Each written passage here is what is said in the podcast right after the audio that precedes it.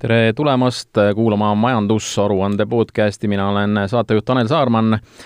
Ja üllatus-üllatus, aga majandusaruande saates me ei olegi siiani puudutanud pensionireformi teemat, parandame selle vea ja vaatame sellele teemale otsa pankade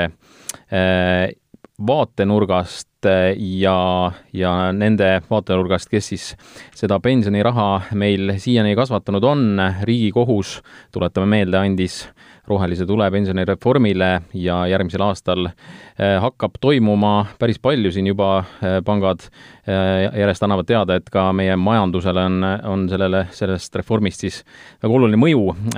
stuudios on kaks eksperti, Joel Kukemelk, LHV varahalduse juhatuse liige, tere! Tervist! ja Luminori Baltikumi pensioniüksuse juht Rasmus Pikani, tere! tere! me peame alustama eh, ikka kõige olulisemaga ja, ja veel kord üle käima eh, need kõige olulisemad muudatused siis inimeste jaoks. Eh, millised need kaalukohad nendel on, on neid, kes juba teavad, et nad jäävad, aga on neid, kes mõtlevad, et kas teha üht või teist. Mis siin need kõige olulisemad kohad siis on, Joel Kukemelk? jaa, ma võib-olla alustaks nagu sellest, et ähm kui nüüd nagu täiesti objektiivselt vaadata, siis äh, nii-öelda riigi seisukohast äh, noh, see ei olnud nagu selline reform, mis äh, Eesti pensionisüsteemi raha juurde tooks. ja noh, seetõttu noh, riigi seisukohast ma pigem ütleks, et see ei olnud nagu hea reform. nüüd isiku või indiviidi seisukohast vaadates äh, nii-öelda ainult objektiivselt vaadates, siis tegelikult selle reformiga indiviidile anti ju väga palju võimalusi ja õigusi juurde et indiviidi seisukohast tegelikult teine sammas läks reformi tulemusel oluliselt atraktiivsemaks. et kui enne oli inimesel võimalus äh, sinna nagu noh, etteantud tingimustel raha koguda ja sealt etteantud tingimustel raha välja võtta, siis täna nagu neid võimalusi tuli kõvasti juurde. Et ma arvan, et siin äh, noh, on nagu kaks sammu, et üks samm on see, et äh, pärast seda reformi peaks ikkagi riik otsa vaatama, et kuidas siis pensionisüsteemi nagu riigi seisukohast parendada, ehk kuidas sinna nagu ri-, riigi vaatest raha juurde tuua, ja teine on just see, et nüüd inimesed aru saaks, et mis võimalused neile juurde tulid. ja noh, laias laastus uuest aastast alates on inimesel viis varianti. esimene variant on see, et kui ta ei ole liitunud teise sambaga, siis ta saab liituda, kõik saavad seda teha, sõltumata sellest, et kas ta on siis kuuekümneaastane või kolmekümneaastane, teine variant on see, et ta jätkab süsteemis kogumist, nii nagu ta seda täna teinud on. Kolmas variant on see, et äh, ta otsustab hakata ise investeerima, äh, neid avaldusi saab siis äh, hakata esitama alates aprillist kaks tuhat kakskümmend üks. neljas variant on see, et ta peatab sissemaksed ja nii-öelda seda kogutud summat välja ei võta, ja viies variant on see, et ta lõpetab teises sambas raha kogumise ja võtab sealt raha välja. noh nüüd küsimus, et, et kui sul on loodud mingisugune võimalus, noh siis sellega kaasneb ka vastutus, et äh, me kõik võime võtta kiirlaenu, kui me tahame, aga noh, me ei võta, sellepärast et me ei pea seda mõistlikuks. et eks selle teise sambaga on noh, natuke nagu sarnane teema, et me võime ju tulevikku iseendalt seda laenu võtta, aga ühel hetkel me peame seda tagasi maksma, et äh, kui me teisest sambast raha välja võtame, noh siis äh, tulevikus meie pension on kokkuvõttes kolmkümmend protsenti väiksem, et see ongi nagu see hetk, kus me seda raha tagasi maksame. ja kui täna on keskmisel eestlasel nii-öelda mediaanis teises sambas umbes viis tuhat eurot, sa võtad selle raha sealt välja, maksad riigile kakskümmend protsenti tulumaksu, tuhat eurot ära, et saad neli tuhat eurot, äh, aga nii-öelda selle tagajärg on see, et tulevikus on su pension kolmkümmend protsenti väiksem ja järgmised kümme aastat ei saa sa seda riigi nelja protsenti sotsiaalmaksu endale, vaid see läheb siis riigi pensionikassasse ja kui inimene teenib keskmist palka, siis tegelikult see kümne aasta jooksul see summa, mida ta siis endale ei saa, vaid läheb riigi pensionikassasse, see on üle kümne tuhande euro. Rasmus Pikani, on midagi lisada? ma lisaksin siia ühe tehnilise märkusega, et kindlasti see variant number kaks, mida Joel märkis, et äh, alustab ise investeerimist, et äh, sisuliselt on see ikkagi jäämine teise samba pensionisüsteemi. et äh, et see tekitab kohati siin ka segadust inimestele, et justkui peaks väljuma, aga kindlasti ei, et kui inimene otsustab ise investeerida, siis inimene ikkagi jääb veel teise pensionisamba süsteemi osaks ja saab ka tulevikus seda riigipoolset äh, neljaprotsendilist makset. aga ma arvan, et teine pool, et üks on need inimesed, kes on äh, täna kogumisfaasis, et nendel on need äh, viis valikut, aga kindlasti võib-olla veel isegi olulisem on see, mis juhtub nende inimestega, kes on kas pensionieas või pensioniikka jõudmas. et võimalused, kuidas raha kasutada pensioniikka jõudes, et need oluliselt laienevad ja lihtsustuvad et sisuliselt on võimalik valida pensionieas kahe maksurežiimi vahel, et kas kiiresti ja kas raha kiiresti välja ja kõrgema maksuga või siis üle pikema ea ja sisuliselt ka nullmaksuga on võimalik see pensionisambasse kogutud raha kätte saada no aga mis, mis teie jaoks äh, muutub, äh, kui see otsus nüüd tuli, ma usun, et äh, töö tegelikult juba käis, aga, aga mis see, mis see teie poolt vaadates on, mis, millega te praegu tegelete seoses sellega, et see reform tuleb, on mingeid selliseid ütleme, kiireid tegevusi, mida, mida te praegu, millega te toimetate? Rasmus Pikani. aga jah, ma arvan, et siin nagu kaks poolt, et üks on see, et mida me teeme raha juhtimise poole pealt ja teine veel olulisem on see, et kuidas me valmistume ette selleks, et äh, kogu elanikkonda, kes vaatavad otsa sellele väga keerulisele küsimusele, et kuidas aidata neil teha ikkagi mõistlik otsus. et siin on noh, mitu asja juba Joel mark-, märkis ka, et on see lahkumine süsteemist, et see ei ole selline ühekordne tuju, mida saab täna teha ja homme ümber mõelda, et kui inimene on otsustanud süsteemist lahkuda, siis järgmiseks kümneks aastaks ütleb ta ka ei sellele neljale protsendile, mida riik täna tema teise sambasse maksab. ja noh, teine keerukus on see, et et kui paljud inimesed täna tegelikult on küsinud enda käest, et kuidas pension mul välja näeb, pensioniiga. ja see on nagu see, kus ka on õnneks riik natuke appi tulnud ja aidanud siin kalkulaatorid ehitada. aga ikkagi, et ma loodan, et enamik inimesi täna nüüd vaatavad otsa sellele küsimusele, et kuidas hakkab välja nägema pensioniga, ja pigem nad näevad seda, et isegi, et äh, see teine sammas täna, mis on, ei too kaasa seda, et saaks muretult sinnapoole liikuda täna et ja teine osa on sellest, et mida kaugemal on inimene oma keskmise palgaga, oma palgaga riigi keskmisest, et tegelikult see teise samba otsus, seda olulisem talle on, sest et äh, esimene sammas on sotsiaalne või suhteliselt solidaarne, ta muutub järjest solidaarsemaks läbi aja ja inimesed peavad kindlasti sellega arvutama, arvestama, aga kindlasti, et üks, üks pool on see, et kuidas valmistuda selleks, et aidata inimestel äh, liikuda läbi selle väga keeruka otsuse, et see on see, millega, millega me täna väga palju tegeleme, et äh, Joel Kukemelk jaa, ei täpselt nii on, et, et nii-öelda mis puudutab nagu raha juhtimist fondides, et sellega on meil olnud ju juba omajagu aega kohaneda, et et see trall selle pensionireformi ümber on ju kestnud noh, ikkagi sisuliselt juba üle aasta. Ja nii-öelda see peamine rõhk meie vaatest läheb ka, et, et meie nii-öelda inimesed, meie kliendid teeksid enda jaoks õige valiku ja et neil oleks selle valiku tegemise jaoks vajalik informatsioon ja töövahendid olemas, et et meie enda nagu pensioniäpp, mis me mm, oleme turule toonud, et seal on vaja nii-öelda seda täiendada äh, uute võimalustega, et äh, nii äppi, veebi äh,, panga nii-öelda liidest, et äh, et me suudaks selle uue äh, info viia inimeseni, sest noh, seda infot äh, tõepoolest on palju ka, et neid valikuvõimalusi lihtsalt noh, sõltub inimese vanusest ja, ja hetkest, et äh. kas teil on mingit äh, aimu või on, on tekkinud mingisugune nägemus sellest, et, et kui palju, kui paljud inimesed äh, noh, neid otsuseid siis, erinevaid otsuseid teevad, ehk siis et, et, noh, tõenäoliselt kõige olulisem on see, et kui paljud väljuvad süsteemist, et on, on seal mingit võimalust üldse seda prognoosida kuidagi noh, või, või ongi see selline väga tume maa, et ei teagi täpselt et kindlasti ük, üks, ük, noh, üks prognoosimine, mis on täppisteadus, see on ajaloo prognoosimine, et aga me räägime tulevikust ja seda on kindlasti väga keeruline. ja siin on küll erinevaid küsitlusi tehtud, ka Kantor on siin korrapäraselt küsitlenud ja seal on ka numbrid olemas, aga ma arvan, et mida ma ise olen täheldanud, on see, et äh, inimesed aeg-ajalt teevad selle või vastavad iseendale ka sellele küsimusele piiratud info kontekstis. ja ma olen ise näinud ka diskussiooni, kus siis, kui inimene jõuab sinnamaani, et ta saab aru, et järgmiseks kümneks aastaks koos selle kontol oleva raha väljamõtmisega äh,, lahkub ta ka süsteemist, et see juba paneb mõtlema, et äh, noh, täna me ei tea, et palju selle küsitluse taga on need inimesed kaalunud läbi tegelikult kõik need aspektid. et selles mõttes seda on väga-väga keeruline prognoosida. jaa, ma ütlen, põhisõnum ongi, et, et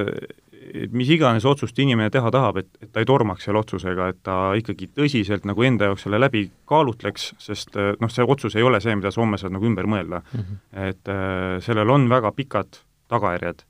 ja noh, ma ütleks, et nii-öelda mis puudutab nagu lahkumist, noh siis reeglina nii-öelda tuleviku vaates need ei ole nagu positiivsed tagajärjed, et need ikkagi nagu päris nagu tõsised finantsilised tagajärjed mm. -hmm. Siin oli juttu juba sellest, et noh, üks oluline asi, mida te praegu teetegi ja, ja ette valmistate, on, on siis see, et inimesi äh, harida ja, ja näidata neile ära seda, et, et mis see nende otsuse tulemus olla võiks, et et saab siin veel mingeid näiteid tuua, et, et mida, mida teha annab, et kas saab minna ka väga personaalseks, et kui inimene noh, tõesti nii-öelda kuskil, kuskil äh, oma andmed sisse kirjutab, et siis ta, siis ta saab väga täpse info selle kohta, et mis see tema tulevik välja näeb, et praegu juba neid kalkulaatoreid omajagu on, need on täitsa sellised head kalkulaatorid, mida kasutada usaldusväärsed või?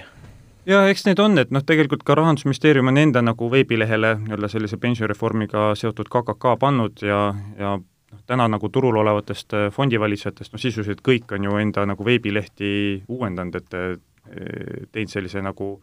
korduma kippuvate küsimuste nagu sektsiooni, kus üritame nagu põhilised küsimused ära vastata, aga loomulikult nagu ma ütlen, et noh, see süsteem on nagu keeruline ja, ja seal on küsimusi, mida ei ole ka nagu veebilehtedele ära vastatud ja siis lihtsalt tuleb nagu pöörduda oma oma panga äh, pensionikonsultandi poole ja sealt saab nii-öelda selle nagu täpsema vastuse. ma toon nagu paar näidet lihtsalt, et äh, et äh, noh, näiteks, et, et kui inimene on täna juba jõudnud pensioniikka ja soovib sealt raha välja võtta, et noh, kui sa oled esimeses sambas, sa ei saa seda teha, kui sa oled teises sambas, noh siis sa saad teisest sambast raha välja võtta, sa oled jõudnud pensioniikka, et noh, miks mitte, et võidki nagu sealt välja võtta, et aga kui sa võtad selle välja noh, nagu siin noh, selle aasta novembris-detsembris, sa maksad selle pealt tulumaksu kakskümmend protsenti, kui sa võtad alates siis uue aasta jaanuarist, siis pensioniealisena maksad kümme protsenti tulumaksu. ja seal on noh, mingid sellised ka väiksed detailid, on ju, et, et mida me nagu fondivalitsejana teame, me saame nii-öelda klienti nõustada äh,, aga noh, kuhu nii-öelda klient ise võib siis nende detailide sisse nagu ära eksida et noh, alates uuest aastast nii-öelda see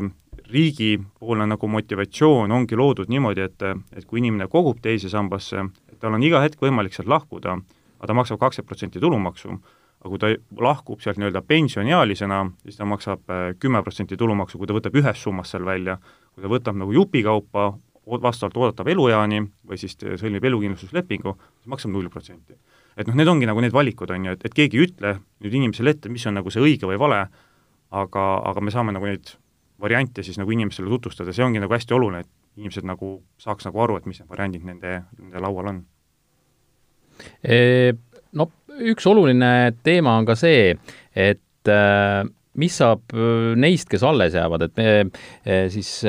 pensioni koguma, et siin, kui mina suhtlesin pärast seda Riigikohtu otsust äh,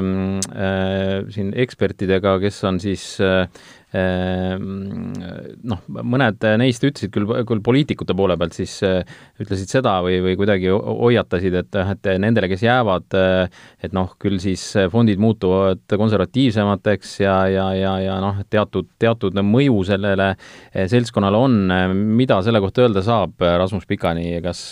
mis siis juhtub, kui mina nüüd jään ja, ja sõber lahkub, et muutub mu elu kuidagi halvemaks sellest?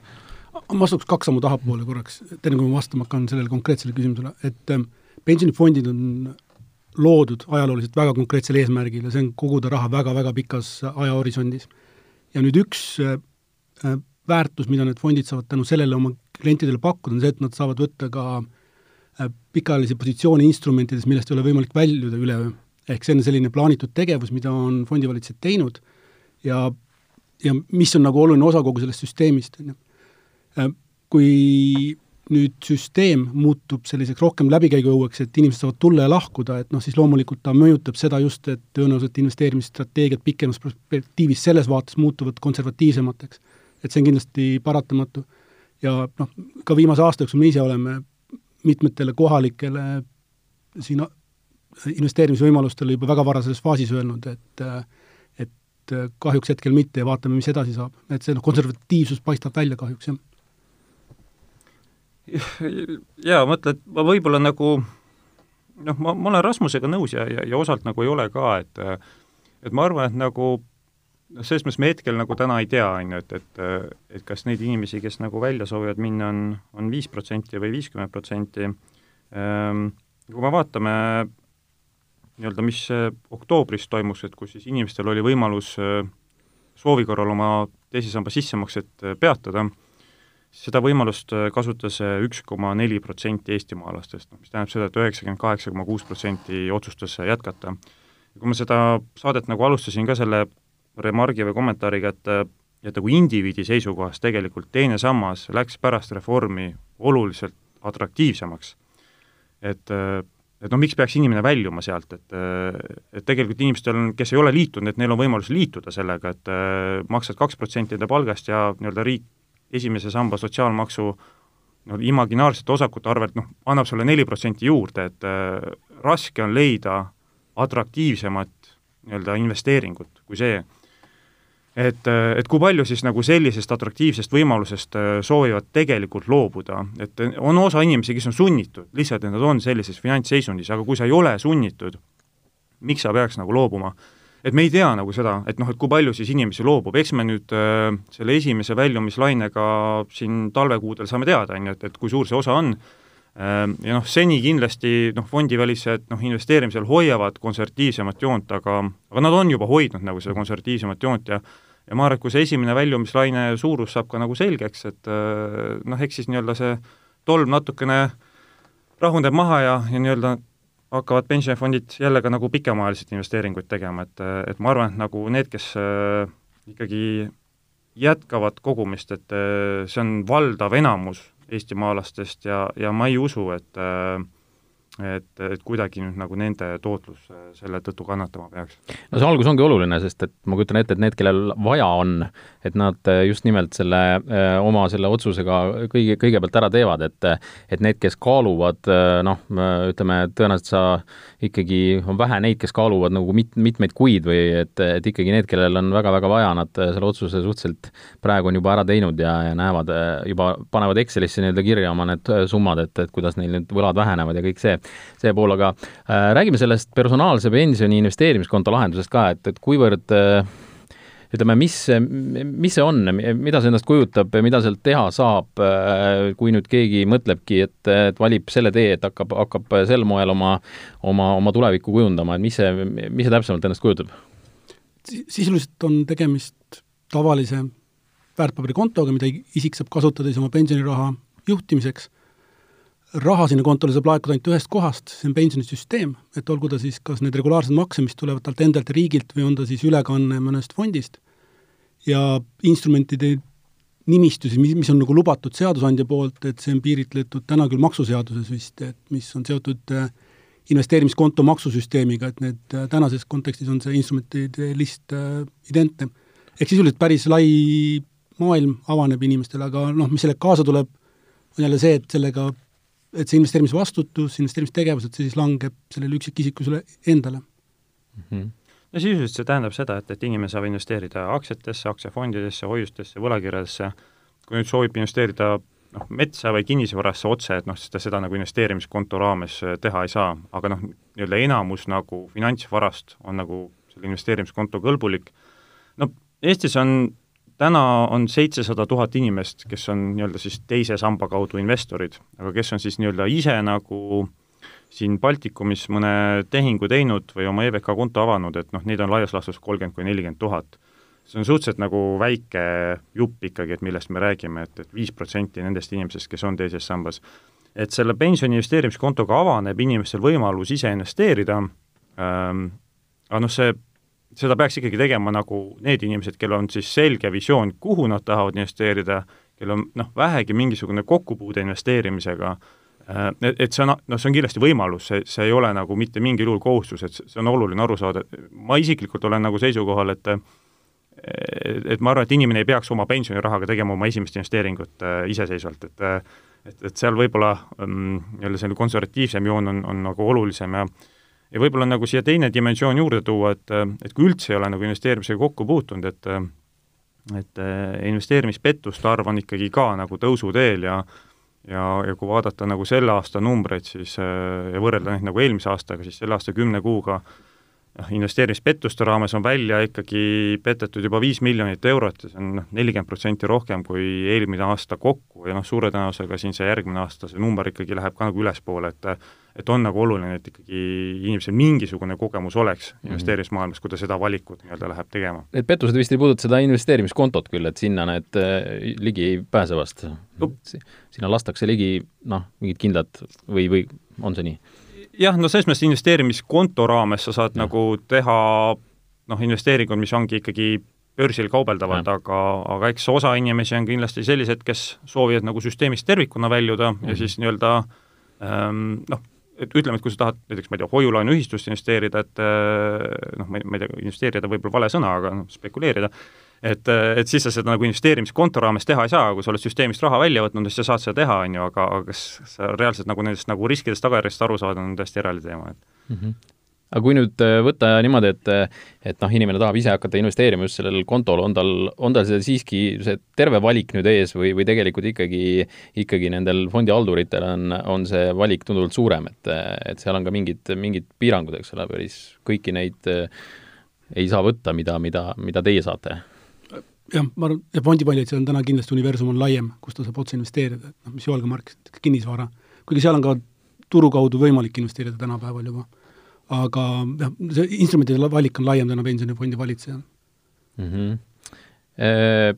korraks pöö vaataks sinna kolmanda samba poole ka, et see on üks, üks teema, mis siin viimasel ajal on eriti, eriti selline meedias palju kajastust leidnud, Äh, räägime selle teema ka lahti, et mis selle kolmanda sambaga siis äh, äh, nüüd tehti ja, ja mida inimesed sellest teadma peaksid, Rasmus Pikani vastu? et siin on, tegemist on lihtsalt põhimõtteliselt maksu, maksudimensiooniga, kus siis äh, isikud, kes on liitunud kolmanda sambaga enne käesoleva aasta lõppu, et nendel säilub siis võimalus hakata soodustingimustel kasutada kolmandasse sambasse kogunenud vahendeid viiekümne viiendast eluaastast. ülejäänud inimestele, kes otsustavad kolmanda sambaga hiljem liituda, Äh, siis sisuliselt võrdsustuvad maksustamistingimused teise sambaga. et see on see äh, muutus. ja iseenesest on ta sisuliselt siis niisugune väike võimaluste aken, mis on avanenud veel ja mida on igati mõistlik kasutada, et et kas sinna, isegi ei pea sinna täna väga palju investeerima, et lihtsalt see võimalus oleks olemas tulevikuks, et et see ongi kogu see, nüüd see trall, mis siin ümber käib, ja noh, ja mis on ka siit kaasa tulnud, et seda siis ka noh, avatakse ka sealjuures oma lastele, et kes siis tulevikus peaks justkui sealt kaudu saama siis ka nendel samadel tingimustel investeerida läbi kolmanda samba. Jaa, no nagu ma ütlesin, minu silmis nagu teine ja kolmas sammas noh, tervikuna on nagu kõige atraktiivsemad investeerimisvõimalused, mis nagu erainvestoril Eesti riigis on, äh, noh, kui teise sambasse see raha läheb nii-öelda tulumaksueelselt juba, siis noh, kolmandasse sambasse on see, et sa nagu oled raha endale palgana kontole saanud, ja siis on sul võimalus sealt maksta kolmandasse sambasse ja siis kevadel nii-öelda deklareerida oma tulusid ja siis riik maksab sulle kevadel selle tulumaksu kakskümmend protsenti tagasi ähm,. Aga nii-öelda, mis puudutab seda reformi osa, siis äh, reformiga muudetakse lihtsalt ähm, seda vanusepiiri, alates millest on sul siis võimalus äh, tulevikus äh, kolmandast sambast äh, maksusoodustusega väljuda. et täna on niimoodi, et ähm, et see vanusepiir on viiskümmend viis eluaastat, et kui sa oled kolmandasse sambasse vähemasti viis aastat raha kogunud, siis alates viiekümne viiendast eluaastast on sul võimalus väljuda kolmandast sambast niimoodi, et maksad riigile ainult kümme protsenti tulumaksu kogu summa pealt, mis sa välja võtad, või kui sõlmid siis ka samamoodi elukindlustuslepingu elu lõpuni või siis fondi pensioni oodatava eluea pikkusega, siis on null protsenti, ja pensionireformiga nüüd muudetakse lihtsalt seda viiekümne viie eluaasta piiri ja see muutub siis äh, niimoodi, et kõik, kes liituvad kolmanda sambaga pärast selle aasta lõppu, siis nende jaoks see vanusepiir saab olema pensioniiga miinus viis aastat. et noh, kui me võtame täna nagu üheaastase lapse, no siis suure tõenäosusega temal see pensioniiga saab olema seal seitsekümmend pluss, miinus viis aastat, ehk noh, igal juhul seal kuskil kuuskümmend viis pluss, aga kui sellele üheaastasele lapsele tehakse kas või ühe euroga täna nii-öelda kolmanda samba konto ära, Äh, noh, siis kui ühel hetkel saab täiskasvanuks ja otsustab, et ta ikkagi tahab sinna raha investeerida, siis tal on võimalus nagu viiekümne viiendast eluaastast alates siis maksusoodustusega sealt raha välja võtta mm. -hmm. Kui, kui populaarne see nüüd siis teie, teie vaates oli ikkagi, et, et, et loodi siis ikkagi palju neid kontosid? No aega veel on, on ju, november-detsember, aga, aga on populaarne, kolmanda samba kontosid on avatud palju, noh, ma ütlen, et kui me enda nagu LHV numbreid vaatame, siis aastataguse ajaga noh, on juba rohkem kui kolmkümmend protsenti uusi kolmanda samba kontosid avatud. ma ise usun, et novembris-detsembris see huvi läheb nagu väga tugevalt edasi ja, ja no peabki minema, sest noh, see otsus ongi selline, et isegi kui sa täna ei taha äh, investeerida või nii-öelda koguda enda tulevikuks maksusoodustusega, võib-olla viie aasta pärast tahad ja noh, sul on nii-öelda siis ära fikseeritud see viiekümne viie eluaasta piir, kus sul on võimalus tulevikus siis endale nii-öelda juba veidi, veidi nagu suuremas eas hakata raha nagu maksusoodustusega välja võtma. saab siin ka mingeid numbreid äh, tuua umbeski, et, et palju neid kolmandaid sambaid siin äh, kasvamas on äh, Eestis, on see teada? issand, ma nüüd peast ei tea, aga äh, kolmas sammas tervikuna kokku on ikkagi kogutud natuke üle kahesaja miljoni euro ähm,, palju neid kontosid kokku on ähm,, no mõnikümmend tuhat ähm,. Mm -hmm. see on siis terve turu peale? jah. jah, ta on ikkagi väga-väga väike võrreldes teise sambaga, mis näitabki ka seda isiklikku tahtlussuutlikkust äh, koguda just mm -hmm. sellel eesmärgil mm. -hmm. no siin Äripäev äh, kirjutas, et äh, et äh, börsile võiks tulla siin sadu miljoneid äh, eurosid juurde selle reformi tulemusel, mida teie sellest arvate? Äh, nii palju, kui mina olen aru saanud, siis sellised investoritega rääkinud, need, kes on ikkagi aastaid-aastaid ja, ja, ja kümneid aastaid tegutsenud, nemad ei, ei taha väga puudutada oma seda sammast, jäävad, jäävad edasi, et, et, et kas siis tõesti inimesed, kes varem ei ole, ei ole kokku puutunud, nüüd eeldatakse kuidagi, et nad sinna, sinna satuvad või? väga raske öelda, mis see tul-, täpne vastus saab olema, aga kindlasti võib juhtuda, et raha sinna liigub, sest et eks koduturg on see, kust äh, proovitakse ikkagi alustada, seal on tuttavad nimed ja teada, vähemalt on ettekujutus, et saadakse paremini aru, mis seal toimub. aga jah, et äh, kindlasti mis, mis sellega risk kaasneb, on see, et äh, et on kontsentreeritud risk tekib, kui ikkagi inimesed väga palju hoiavad raha kui see raha liigub väga suures osas ühele turule, et siis kindlasti sealt tekib probleeme. No suure tõenäosusega jah, et, et et no nii, nagu Rasmus enne ütles, on ju, et, et kui sa ei, ei taha nagu pensionifondis olla, aga sa tahad teises sambas olla, et noh, et siis ära võtta raha välja, et mine siis sinna pensioni investeerimiskontole. et siis sa oled selle süsteemi sees ja siis sa saadki hakata neid ise investeeringuid tegema. et kui palju nagu seda pensioni investeerimiskonto varianti nagu eelistab, no ma usun, et seal on inimesi, kes seda eelistab, aga, aga noh, kui Eestis tervikuna on kolmkümmend kuni nelikümmend tuhat inimest, kes on üldse nagu ise investeerinud, noh, ma arvan, et see juba seab nagu teatud piirid ette, aga noh, need, kes nagu valivad selle tee, et nagu viia raha nagu fondist investeerimiskontole, hakata ise investeerima, no siis suure tõenäosusega ikkagi noh, valdav osa sellest rahast siin nagu lähiturule nagu tee leiab, on ju, et et arvestades seda, et teises sambas on viis miljardit eurot, et kui sellest ka viis protsenti läheb nii-öelda pensioni investeerimiskontole ja sealt nagu suur osa Eesti turule, et eh, noh, siin nagu mõnisada miljonit kokku saada ei ole, ei ole just nagu teadmisteadus, et no kui aga, aga ikkagi nendele, kes isegi kaaluvad seda mõtet, et siis äh, üks investeerimise niisugune põhitõdesid, et äh, riskide hajutamine, et seda ei tasuks nagu ära unustada, et ikkagi kõike raha punasele panna nagu ei ole mõistlik. see on väga õige tähelepanek, noh, üks osa sellest nüüd, just sellest jällegi kaalutlusest, et, et just, et kas inimene, noh, jätame välja need inimesed, kellel on vaja seda raha, noh, mis iganes oma finantskohustuste kuidagi, seniste finantskohustuste tagasimaksmiseks või et, et see punt jäägu sinna, aga just need, kes nüüd otsustavad ise, ise hakata investeerima, noh, me elame praegu sellisel ajal, aastal kaks tuhat kakskümmend,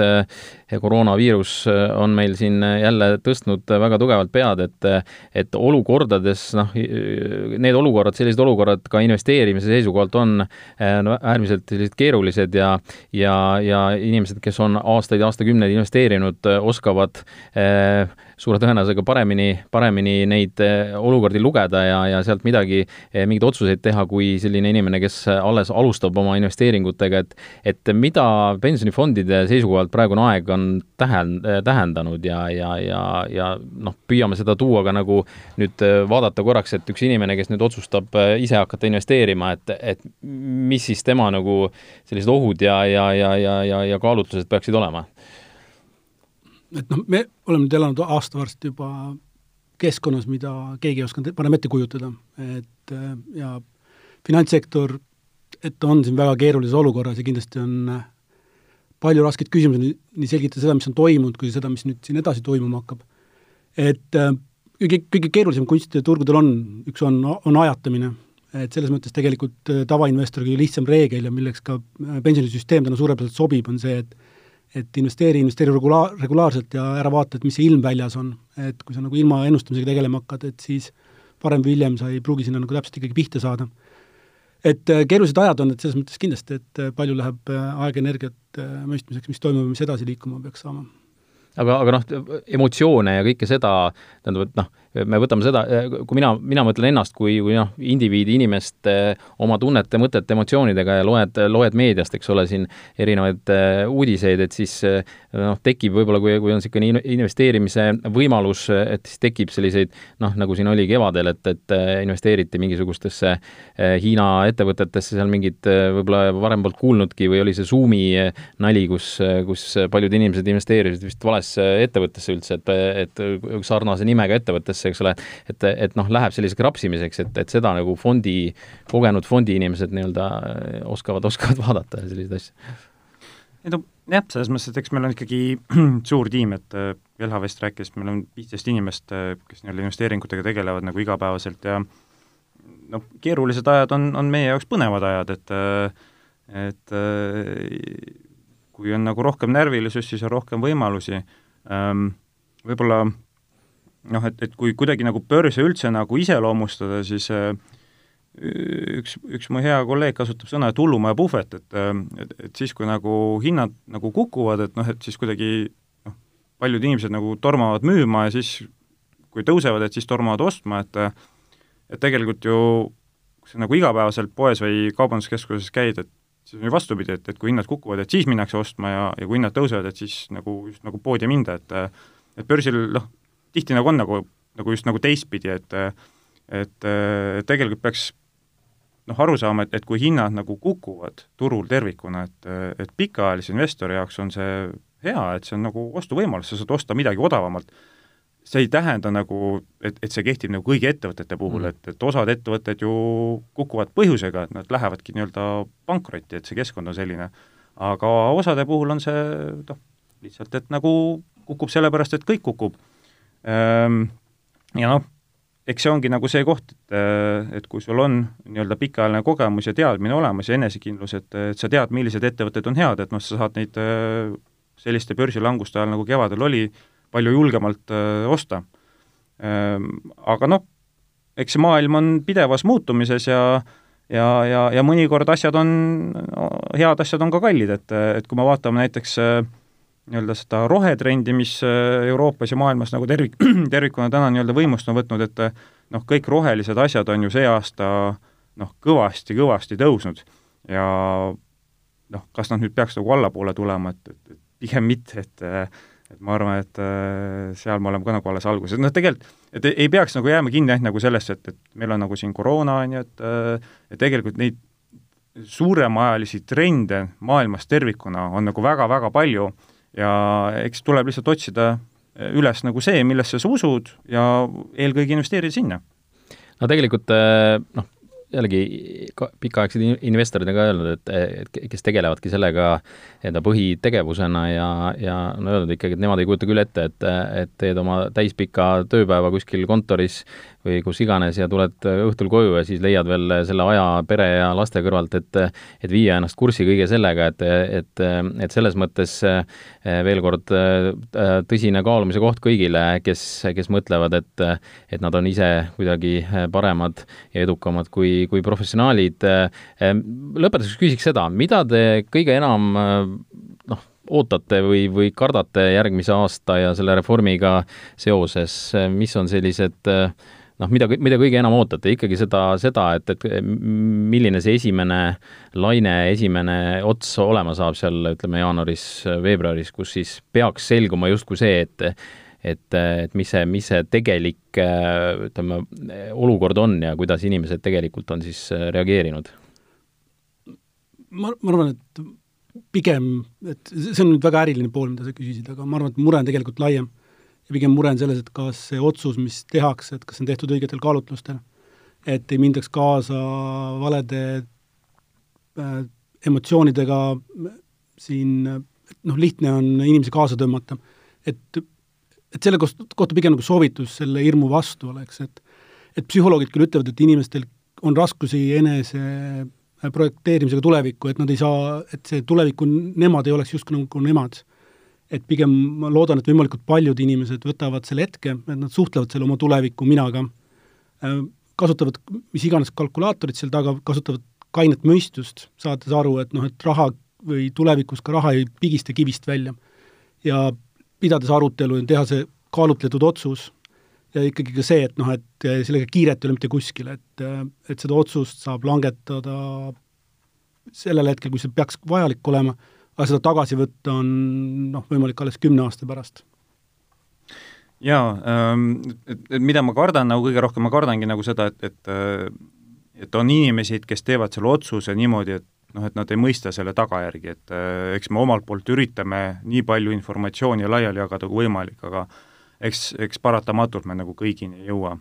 mida ma võib-olla loodan nagu kõige rohkem, on see, et, et nüüd, kui see osa pensionireformist on tehtud, et me ikkagi riigi tasandil liiguks ka nagu tervikuna edasi sinna, et me vaataks, et kuidas siis noh, Eesti pensionisüsteemi tervikuna raha juurde tuua, et ükskõik kuhu nagu või, või mis meetmega, et kui me vaatame tänast nagu valitsuse koalitsioonilepingut, siis seal on nagu viide sellele, et, et kaalume tööandja pensioni loomist, et miks seda ei ole tehtud, et Skandinaavias on see tavapärane asi, on ju, see on viis, kuidas me saaksime Eesti pensionisüsteemi raha juurde tuua. või, või kui me oleme inimestele andnud siis nagu vabaduse ise otsustada oma nii-öelda pensioni Äh, üle, et, et, et ei ole ju võimalust, et inimene saaks ise näiteks teise sambasse rohkem juurde maksta, et kui ta seda tahab teha, et, et peaks looma, noh, see on see, see nii-öelda see optimistlik või lootuse pool, ma ikkagi tahaks näha, et, et et siis riik ise looks mingid võimalused Eesti pensionisüsteemi paremaks rahastamiseks või siis äh, looks tingimused, et inimesed ise tahaks nagu sinna enda nagu raha äh, rohkem panustada või selle kaudu rohkem koguda. no igastahes kallid kuulajad, mõelge äh, väga täpselt läbi oma, oma need äh, plaanid ja, ja kindlasti äh, ärge kergekäeliselt otsuseid tehke, mõnevõrra on küll sinna jaanuarikuuni veel ka aega, aga, aga ongi, ongi hea siis plaane sättida. ma tänan Joel Kukemelk ja Rain Pikani saates osalemast, rääkida võiks pikalt, aga, aga täna tõmbame joone alla, täname ka kuulajaid, kõike head ja püsige terved!